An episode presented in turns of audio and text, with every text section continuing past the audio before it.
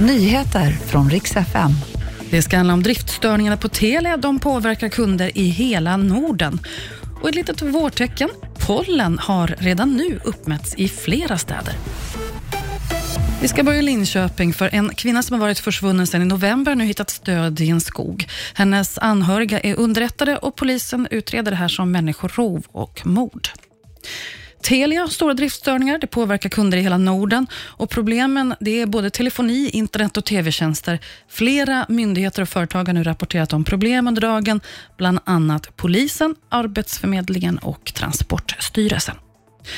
Och Det är fortfarande kallt på de flesta håll i Sverige, men några vårtecken har faktiskt dykt upp redan nu. Flera städer har halter av pollen mätts upp från Naturhistoriska riksmuseet. Än så länge låga halter av hassel, men redan om ett par veckor så kan det här öka.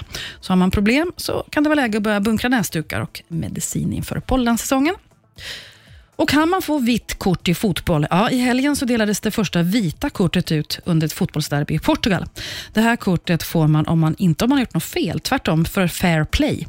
I helgen så var det en spelare som blev dålig och båda lagens läkarteam rusade då fram och hjälpte honom. Då drogs det vita kortet. Det här är ett exempel på bra saker man provar för att göra sporten lite trevligare och uppmärksamma bra beteende.